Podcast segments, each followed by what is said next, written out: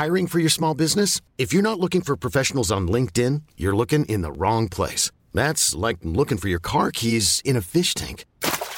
LinkedIn helps you hire professionals you can't find anywhere else, even those who aren't actively searching for a new job but might be open to the perfect role. In a given month, over 70% of LinkedIn users don't even visit other leading job sites. So start looking in the right place. With LinkedIn, you can hire professionals like a professional. Post your free job on linkedin.com slash achieve today.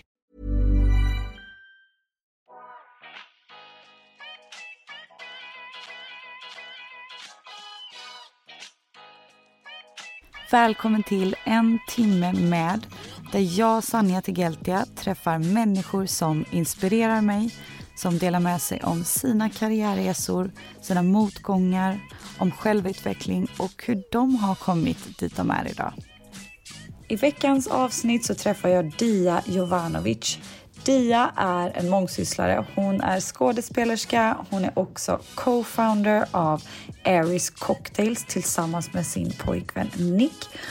Aries Cocktails gör sjukt snygga men framförallt goda cocktails paketerade i eh, väldigt snyggt format. Syns på de flesta modeveckorna, syns eh, på de flesta eventsen, är på många släppar helt enkelt. Och vi går in på Dias bakgrund, vad hon drömde om som liten, hur hon hamnade inom skådespelaryrket, vad som fick henne att ta steget och starta Aries Cocktail tillsammans med Nick.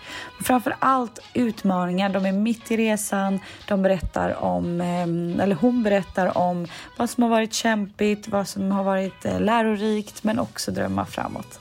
Hej Dia! Hallå! Så kul att ha dig med i podden!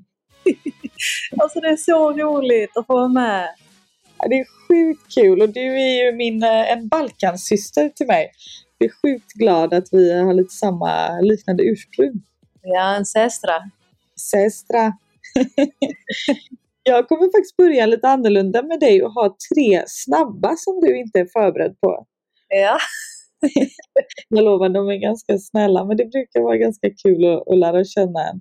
Om du får välja då, GT eller Negroni? Negroni.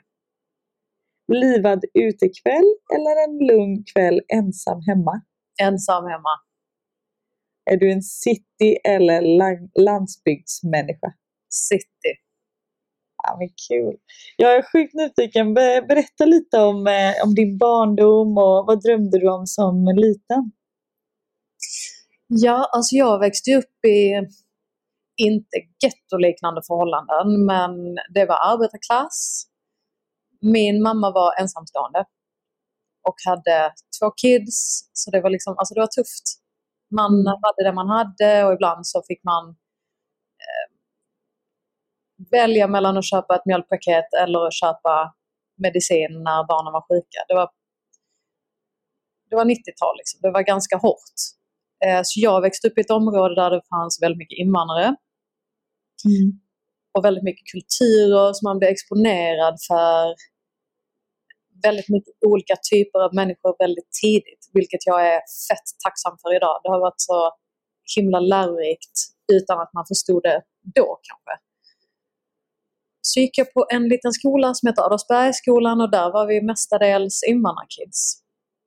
Eh, och sen, vilket kanske då är lite, lite lustigt, är att jag, ju äldre jag blev, desto mindre exponerad blev jag för fler kulturer och gick liksom i klasser och eh, på skolor där det bara fanns svenska eh, barn. Um, vad kan jag mer säga om min barndom? Vad hade du som drömmar? Just det, drömmar. Jag var en sån som... Uh, jag, skulle prova, jag skulle göra allt. Jag skulle prova allt. Jag uh, blev jätteduktig på att simma så jag skulle gå med i sån här simgrupp som man skolade till att bli proffs och jag skulle rida på hög nivå, jag skulle spela fotboll, jag skulle allt möjligt. Men det som jag kanske allra helst ville, det var att bli skådis. Men det sa jag inte till någon, för jag förstod inte att, den, att det ens var en möjlighet i Sverige. Jag trodde att man skulle bo i USA för att det var ju där alla tv-serierna kom från. Man såg så här när jag var 12, jag kommer ihåg, jag älskade Vänner. Åh, det bästa jag visste. Eller typ så Fresh Prince of Bel-Air. Man... Ja, bästa. Eller bästa! Ja. Så jag brukade gå hem och titta på det efter skolan, det gjorde ju alla. Och så lärde jag mig så här repliker och låtsades att jag var dem. Och jag ville så gärna det där, men jag, jag förstod nog inte att, att jag kunde det överhuvudtaget. Så det var en dröm som jag hade väldigt tidigt. Och utöver det har det inte funnits så mycket drömmar. Alltså jag har aldrig sett mig själv...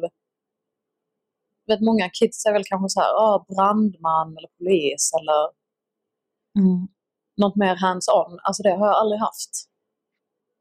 Men hur kom du in sen på skådespeleriet? För att jag menar, nu är du ju faktiskt skådespelerska, eller det är ett av dina många yrken tänkte jag säga, många, många hattar som du har idag, även som egen.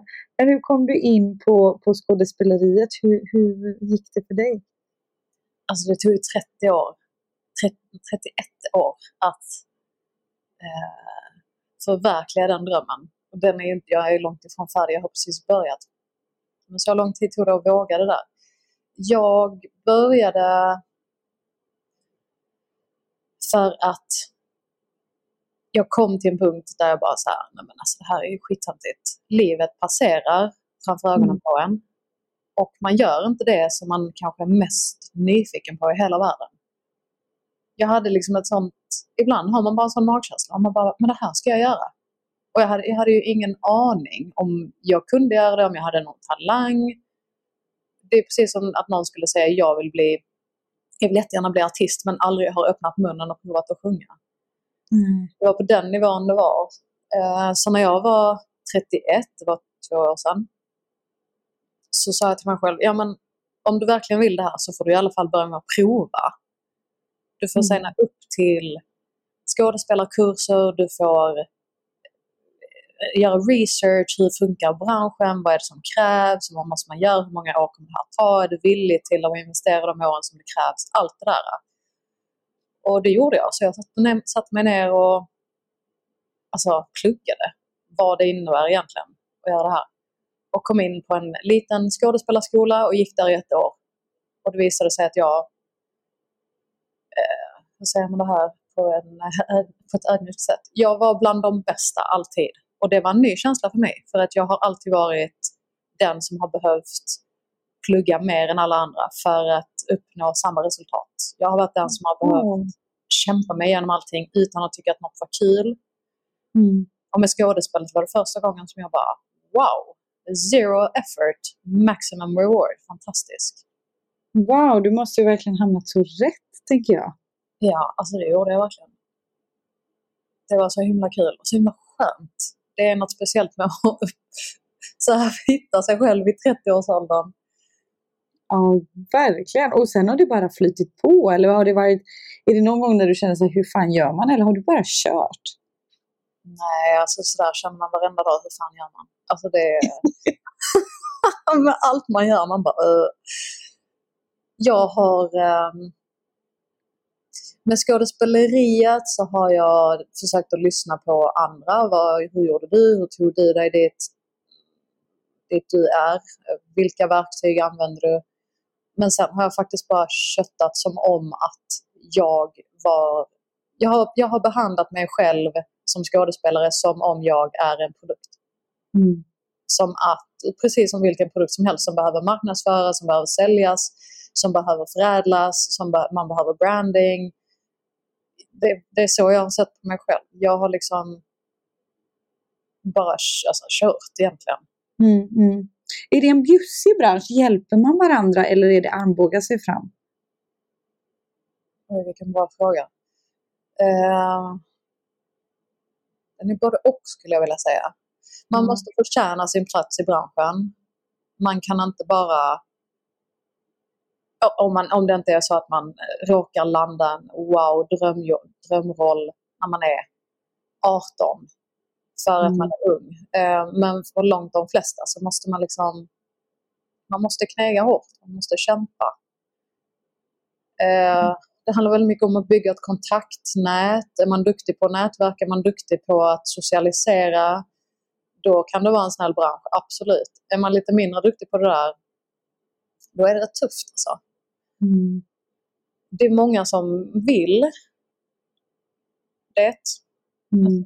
Skådespelardrömmen är ju något som inte bara en handfull människor har. Det är något som ganska många människor har. Och det finns inte så många platser Gärna.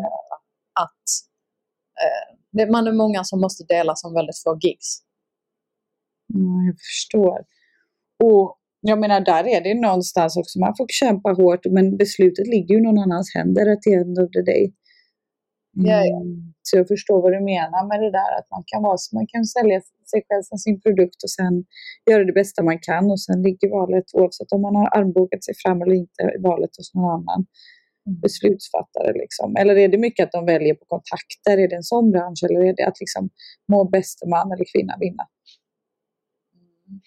Jag tror att man får auditions och castings får man nog rätt mycket på att vara top of mind och känna rätt folk och sådär. Men Mm.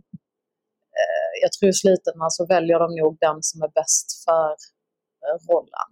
Ja, Det är ja, klart att de kan väkta i... Det här, det här får man nog fråga casters och, ja, det är klart. Det är klart. och Men det regissörer. är intressant. Men det är med andra ord, man måste verkligen kämpa liksom, för att verkligen vara relevant och synas och höras, kan jag tänka mig. Ja, alltså absolut. Men vad hände sen? Och jag menar, det här gör ju du parallellt och sen tog du ditt pick och pack och flyttade till, till Köpenhamn, eller hur? Ja, det här gjorde jag när jag var 22. Mm. Eh, alltså som sagt, när man kommer från typ ingenting. Man kommer från jättearbetarklass och taskiga ekonomiska förhållanden, då blir det inpräntat ganska tidigt, speciellt från Balkanföräldrar, att eh, man ska plugga. I hear you.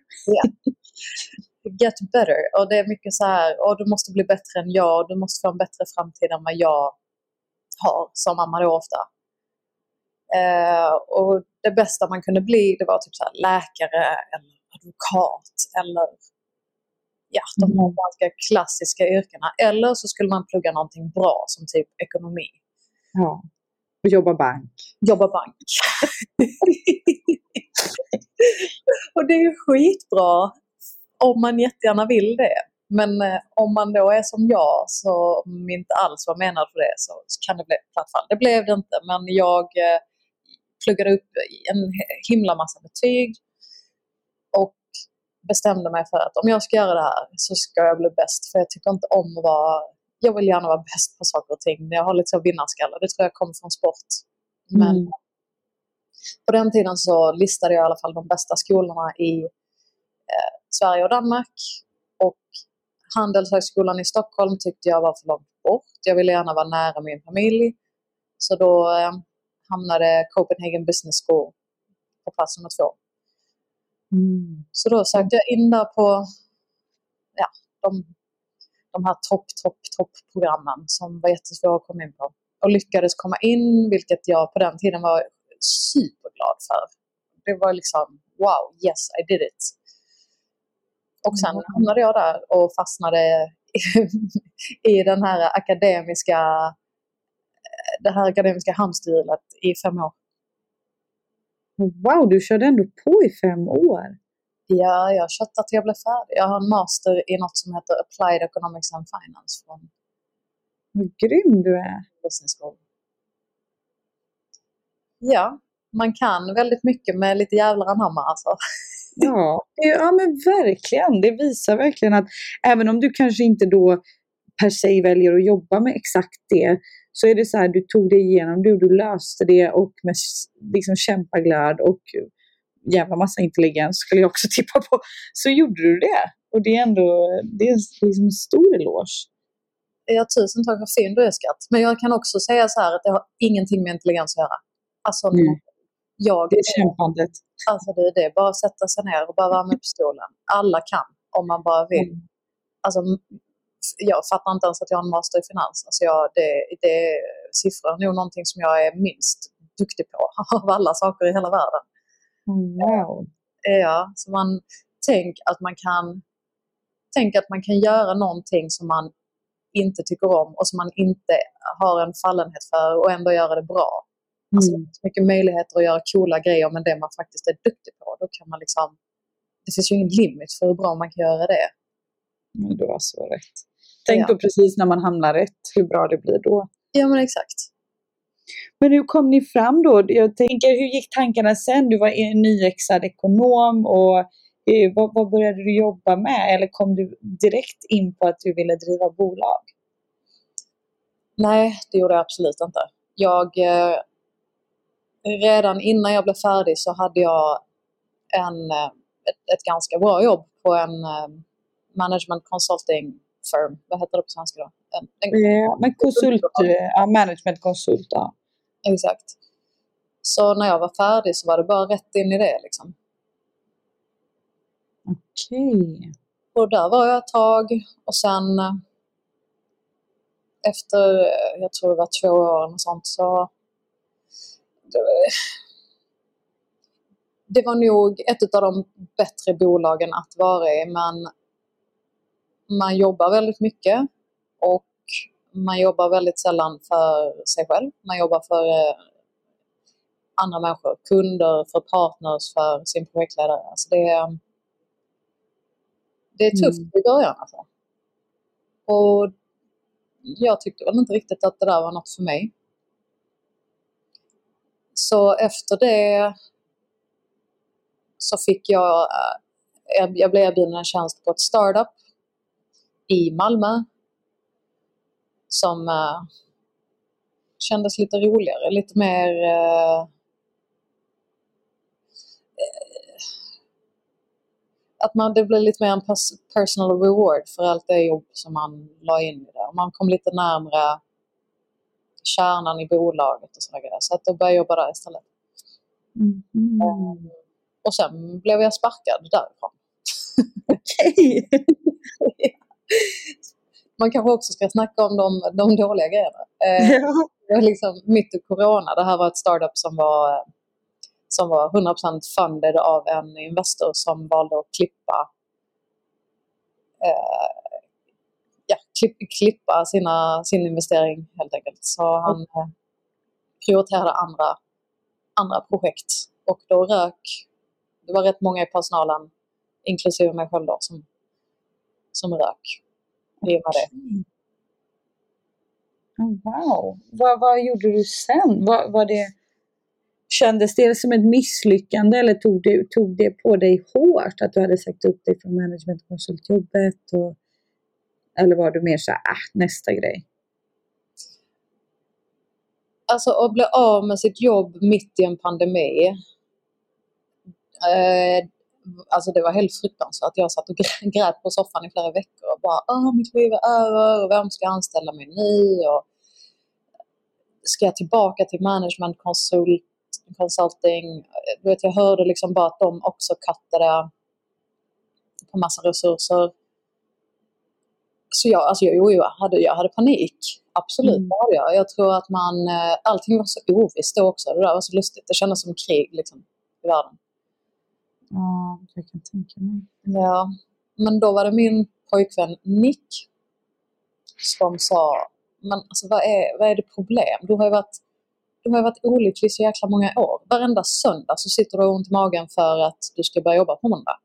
Och Mm. varenda måndag kommer du hem och du är på dåligt humör för att du har jobbat av en hel dag. Det här kanske är ett jättebra tillfälle för dig att starta på någonting från scratch. Alltså tänka om. Tänka på vad tycker du är kul? Vad är dina högsta drömmar här i livet? Vad värderar du utöver att bara jobba? Vad, vad, är, det, vad är viktigt för dig? Mm, mm. Och han hade ju rätt, så jag gjorde långa listor och pratade med mig själv och pratade med honom och pratade med vänner om Jaha, och vad ska nu hända? Liksom? Så det gick, alltså det gick ett år där jag försökte att landa gigs som skådespelare, vilket var tufft. För att det fanns ju inga produktioner som... Det blev liksom inte filmat något för att man fick inte vara på set ihop. Eh, och så försökte jag... Jag sökte faktiskt lite jobb på andra bolag då, men med så här... Alltså, när man bara gör grejer halvdant, det var ju inte riktigt det jag ville. Eh, Och Mm. sen helt plötsligt så kom idén eller helt plötsligt, den kom inte från out of the blue, men det var liksom i den här perioden som idén om Aries formades. Okej, och hur går man tillväga när man ska göra ett bolag som säljer cocktails så som ni har gjort? Hur, hur, hur, hur gick liksom tankarna och, och hur gick ni tillväga? Ja, hur gick det? Vi bara, we are there now. Jag kommer ihåg allting. Eh, Jag tror att om man vill starta ett bolag så kan man, Mm. man, det, det kan man göra. Man kan, ja, och alla har säkert, det finns säkert tusen olika resor som är, och också funkar såklart. Det som funkade för oss det var att vi lyckades ta det bästa av Nicks kunskaper och det bästa av mina kunskaper och merga dem. Mm. Jag vet, även om eh, jag inte tror att jag använder min akademiska bakgrund så gör jag faktiskt det. Jag använder allting jag har lärt mig, eller mycket utav det jag har lärt mig på CBS. Jag använder mycket av det jag lärde mig som konsult och jag, lärde mycket, jag använder mycket av jag vet hur man bygger ett bolag basically. Jag vet hur man strukturerar ett bolag och vilken infrastruktur som krävs. Mm. Eh, och jag har ett... Eh, jag förstår mig på branding. De sakerna i kombination med Nix. Tio års erfarenhet i cocktailbranschen. Alltså han eh, ägde en bar i Barcelona under eh, några år. Han jobbade, jag vet inte hur många år, sju eller åtta år som eh, både barchef och hotellchef och allt möjligt. Um, så han visste liksom allt om produktinnehållet och jag visste allt om hur man skulle bygga upp den här produkten. Okej. Så tog vi de två bästa av två världar och bara slog ihop det så blev det liksom... Det blev bra. Wow.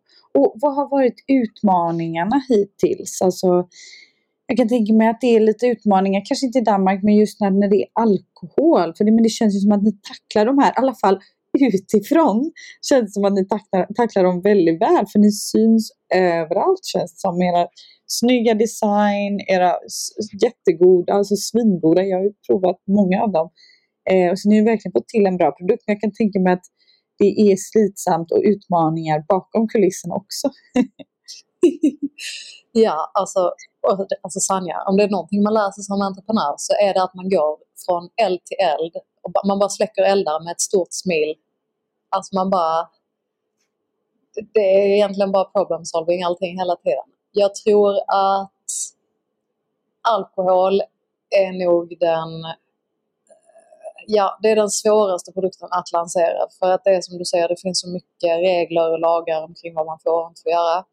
Och allting är annorlunda från, för alla marknader. Så man kan inte bara göra vad man vill. Mm. Mm. Ja, vi syns överallt. Det- gör vi kanske för att vi syns i bra sammanhang. Det är kanske därför folk känner eller har en känsla av att vi finns överallt. Syns Mm. överallt.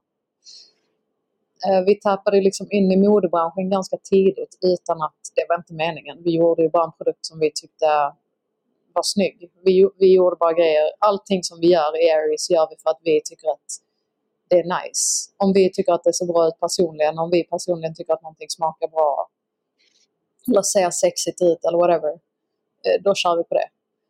Mm. Sen blev det liksom en grej i modebranschen. Det var många väldigt så powerful och influential människor i speciellt den danska modebranschen som lyfte oss väldigt tidigt. Och när man ses i de sammanhangen så ses man av många människor. För Mm. att det är många ögon på just den branschen. Och det är vi fett tacksamma för. Alltså det, jag tror att modebranschen är liksom... Det har varit vår, eh, vår stora vind under vingarna. Mm. Mm. Och, och har det varit någonting, någon strategi ni har tänkt just när ni bygger varumärke?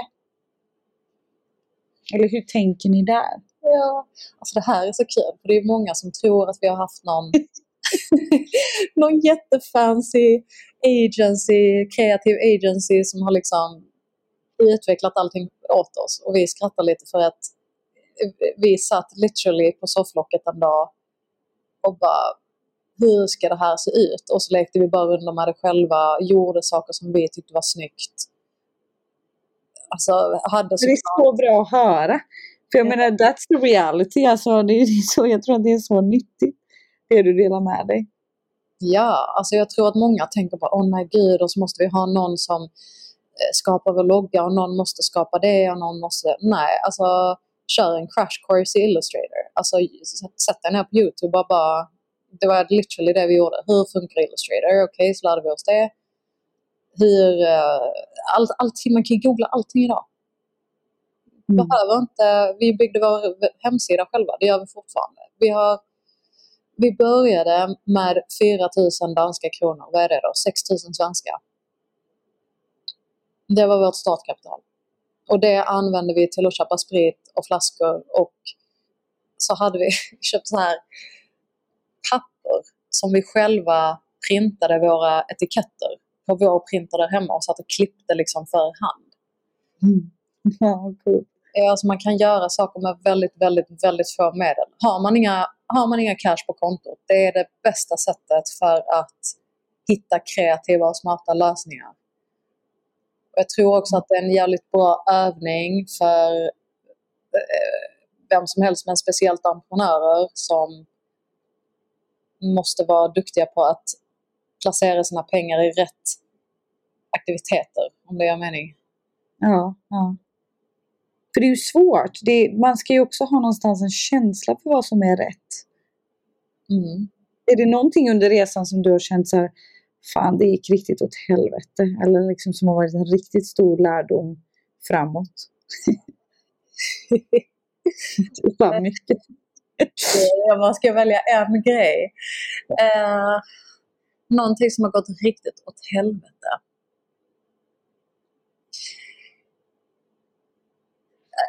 Eh, och så, mm, ja, det finns ju saker och ting som man kan göra smart från början som man först inser efter att man har börjat. Eh, vår förpackning är helt fab. Vi älskar vår förpackning. Våra glasflaskor är anledningen till en, stor del av varför vi är så Får man lov att kalla sig själv framgångsrik? Ja, det är fan. Absolut. en stor del av varför vi har blivit så framgångsrika på så kort tid. Det har också varit en av våra största akilleshäl. Eh, en av våra största akilleshälar, eh, whatever. Det, det, är en tung flaska. Det är mycket glas. Ah, logistiken. Det, den kostar alldeles för mycket i förhållande till vad flaskan borde kosta. Eh, den är kanske inte det mest miljövänliga valet. Eh, alla mm. sådana saker måste vi fixa nu i efterhand då. och det kostar ju pengar. Så en sån grej hade man kanske önskat att man gjorde rätt från början men då hade det å andra sidan krävt ganska mycket det hade krävt investorer för att det hade krävt kapital. Mm. Och på den tiden så visste vi inte ens om den här idén skulle flyga. Vi, vi tänkte nu, nu testar vi och ser vad responsen på marknaden är och tycker folk att det är skit så får vi väl hitta på någonting annat. Men eftersom att det då gick bra så står vi idag två år senare med en del eh, saker i vårt bolag som vi tog beslut om super, super, super tidigt. Men allt sånt där kan man lösa. Jag tror att... Ja, och tweaka med resans gång kanske. Ja, precis. Det är en del av att växa också. Ja, jag tänker liksom Macbooken ser ju inte ut som, som den gjorde i början. Ah, dåligt exempel. Men vadå, ni kanske är nya Macbookar? Aim big. ja, ja, det... Jag menar mer att design och sånt, det utvecklas ju och materialval och sådär. Så att det... Absolut, absolut. Ja, ja, ja, alltså det gör det. Ja, det är sjukt kul att, att höra. Var, var tror du dina drivkrafter kommer ifrån? vart får du all liksom, energi och driv och jävlar anamma pannben? Det får man ändå ge dig om du säger att du, liksom, du bara löste fem år och då utan intelligens, även om jag tror att du har den också. Men, men jag menar, vart, vart kommer drivkraften ifrån? Mm. Jag tror att jag tycker om, det är nog en bekräftelsegrej kanske. Jag vet inte, Mm. det måste det vara. Det känns bra att vara bra på någonting för att man, då blir man ju bekräftad. Mm. Sen tror jag en kombination av det och en kombination av att man har bra folk runt om sig.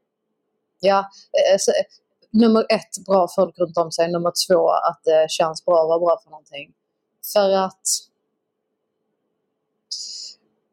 de närmsta av mina vänner, är, det är liksom jag, jag är en sån som inte pallar med för mycket människor. Jag har en handfull människor som jag orkar dela med Underhålla. på daglig basis. Precis. Och den, de här vännerna, eh, när man kom med den här idén, vi vill driva eget. För det första så ska man kanske säga att Aries eh, var någonting helt annat. Eh, helt till att börja med, det kan jag berätta om sen. Men det tog liksom ett tag innan det blev en cocktail på flaska.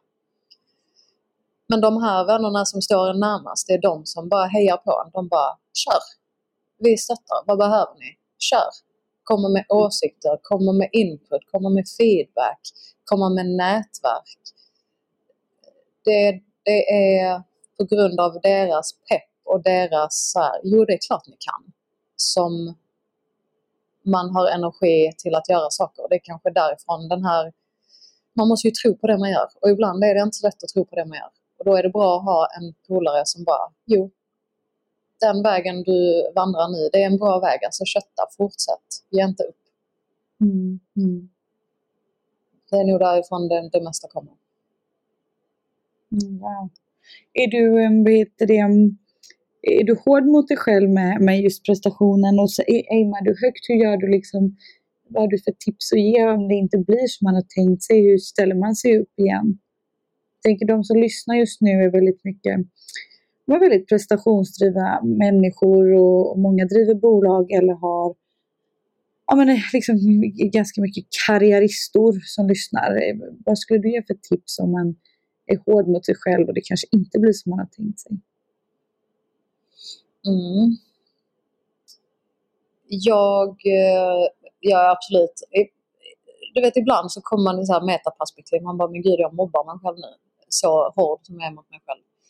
Mm. Men när jag misslyckas så försöker jag, det här låter som en sån fet Instagram-klyscha, du vet. Don't see it as a failure, see it as a learning. Men Det är av en anledning dock. Ja, precis. Jag tror att varenda gång någonting inte går som man har tänkt sig eller när någonting känns som ett, eh, ett nederlag, då är det viktigt att backa och bara, okej, det gick inte som jag hade tänkt mig, varför? Och så listar man alla de grejerna och så säger man, okej, om det här händer igen, eh, då vet jag det. Och då löser jag det den gången. Och sen, eh, alltså så här, allting går över. Allting Mm. blir bättre. Och det enda, det enda, enda, enda som man ska komma ihåg det är att aldrig ge upp. Man ska Mm. aldrig någonsin ge upp. Det var inte en dålig idé kanske. Det kanske bara var att man gav upp. Mm. Vissa människor eh, börjar ju aldrig, man måste ju ta ett första steg och sen måste man ta ett andra steg. Det är precis som en trappa. Du kan ju inte komma högst upp på, trapp, på trappan utan att gå ett steg, ett, två, tre, fyra, fem, sex. Alltså, Mm. eh, allt tar sin tid och när, eh, när saker inte går exakt som man har tänkt sig, vet du vad, det är, bara, det är bara en del av livet. Och ja, du kan inte vara 100% perfekt. Sträva då att vara 80% perfekt. Det kanske duger för att vara riktigt, riktigt, riktigt bra. Verkligen. Och jag menar, någons 80 procent kanske är 150 för någon annan. Ja, ja, ja. Absolut. Mm. Och hur tänker du kring skådespeleridrömmar eller skådespelerska-drömmarna eh, i parallell med det här? Funkar det att jonglera båda eller kommer du lägga det på hyllan eller hur känner du där? Sanja, bra fråga. Det är någonting som kanske gnager i ditt huvud just as we speak. Ja, det gör det verkligen. Jag tror att skådespelet är mitt hjärta och min själ och Aries är min baby. Alltså jag, kan jag kommer nog aldrig kunna välja mellan de två. Skådespeleriet, det kommer, ta, alltså det kommer ta tid. Jag är ju fortfarande pytteliten skådis. Det är ju ingen, alltså, det är absolut ingenting jag kan leva av än, nummer ett. Nummer två, jag ser skådespeleriet som en livs... Mm, som en livsinvestering. Någonting som jag kommer göra för resten av mitt liv. Mm. Och det behöver inte gå fort och det behöver inte... Du vet, jag, jag bryr mig inte om så här, breaka stort och röda mattor. Alltså, nej, nej. Alltså, jag tycker bara det är nice att få jobba. Och jag kommer Mm. låta det ta den tid det tar. Om det är så att jag hamnar i en lyxposition och måste välja mellan att vara 100% skådespelare och att vara 100% involverad i Aries då kan det vara så att jag väljer skådespelare för att det gör mig så fruktansvärt lycklig. Alltså jag blir så glad av det. Jag, alltså det är min största, största, största passion här i livet. Mm. Med Ja, det- sagt, jag har ju en väldigt bra partner. Ja, jag tänkte det. Det är jävligt skönt att ni är två. Ja, och han, eh, han är så fett förstående och det är någonting som vi snackade om eh, redan när vi startade Aries. Liksom. Att det gör mig så glad så att han, han vill ju inte ta det ifrån mig. Så vi kommer väl klura ut vad och hur vi löser det där. Det kanske blir att man blir mindre operativ i bolaget eller inte alls operativ i bolaget på sikt. Mm. Och som sagt, alltså, det här är ett lyxproblem. Som jag hoppas Ja, exakt. Förhoppningsvis kan du göra båda liksom. Ja. Time will tell. Vad hade du sagt till, eh, till 20-åriga Dia om du fick prata med henne idag? Kör, livet är kort. Alltså kör. Ja, det kanske känns läskigt och oj, nu vågade du inte det där och oj, nu fick du ett avslag där och nu fick du ett nej. Men alltså kör, res dig och kör, kör, kör, kör. Våga göra allt det där som du drömmer om att göra. För att rätt vad det är så har det gått 10 år. Rätt vad det är så har det gått 20 år. Rätt vad det är så står du där och så har halva livet eller kanske hela livet passerat i revy. Och du hade egentligen, speciellt, ursäkta mig, men när man född och uppvuxen i Sverige som vi har haft Mm. privilegiet att bli, då har du, alltså det finns inga gränser. Även om du kommer som, du och jag kommer liksom från tuffa förhållanden, även om man har föräldrar som har strugglat, man kommer Mm. från ingenting. Vi har ett system i Sverige och i Danmark då som är helt fantastiskt. Det finns så mycket du kan göra utan att ta särskilt mycket risk. Verkligen. Och jag tänker på det ofta att det är så här jävlar vad jag vill typ sadla om tre gånger eller något bara för att hinna med för att man har så jäkla mycket möjligheter här. Ja. Alltså vi är födda i världens fetaste välfärdsstat. Alltså wow. What a Mm. privilege. Du vet ibland så tänker man bara, men gud, tänk om jag hade, tänk om jag hade vuxit upp där på, inte för att jag säger att Serbien på något sätt är, är dåligt, men det är en helt annan ekonomi. Det är mycket tuffare förhållanden. Klyftorna är enorma. Mm. Att få gå i skola kan många gånger vara ett privilegium för att dina föräldrar har råd att ge dig en skolgång. Verkligen. Eh, ja, alltså det är mycket sådana saker. Så 20-åriga Dia, alltså kör. Go. Mm. Jag tvekar inte mycket, bara kötta. Och en, en avslutande fråga som, eh, som om du bara kommer på någon som du inspireras av eller ser upp till eller tycker det bara gör jävligt coola grejer. Vem hade du velat höra på i podden? Alltså det här är så svårt. Ja, det är så. Alla tycker alltid det här är den absolut svåraste frågan. Alltså det här är så svårt. Åh, åh, gud, ja, jag vet exakt vem jag hade velat höra. Vem? Eh, Zlatko, men jag vet inte om du kan få tag på honom. Han som var med i Triangle of Sadness, skådisen. Ja, ja, ja, ja, ja, ja. Jag ska lösa. Jag har löst det omöjliga ofta. Har du? Jag ser inga hinder. Jag tror det är våran jugge Balkan. Inget omöjligt. Jag ska lösa Zlatko. Alltså, Mark my words. do it. What a legend.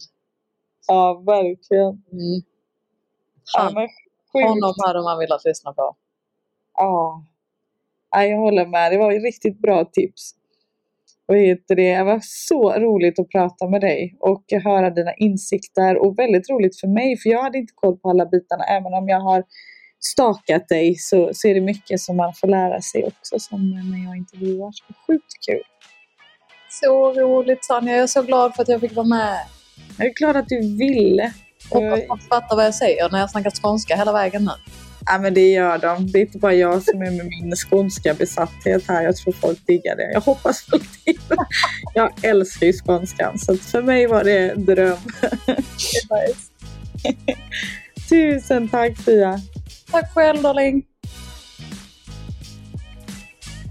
Om ni gillar podden så får ni hemskt gärna dela den här med era vänner men också gå in och prenumerera och jättegärna lägga en liten kommentar. Det hade gjort mig så otroligt glad.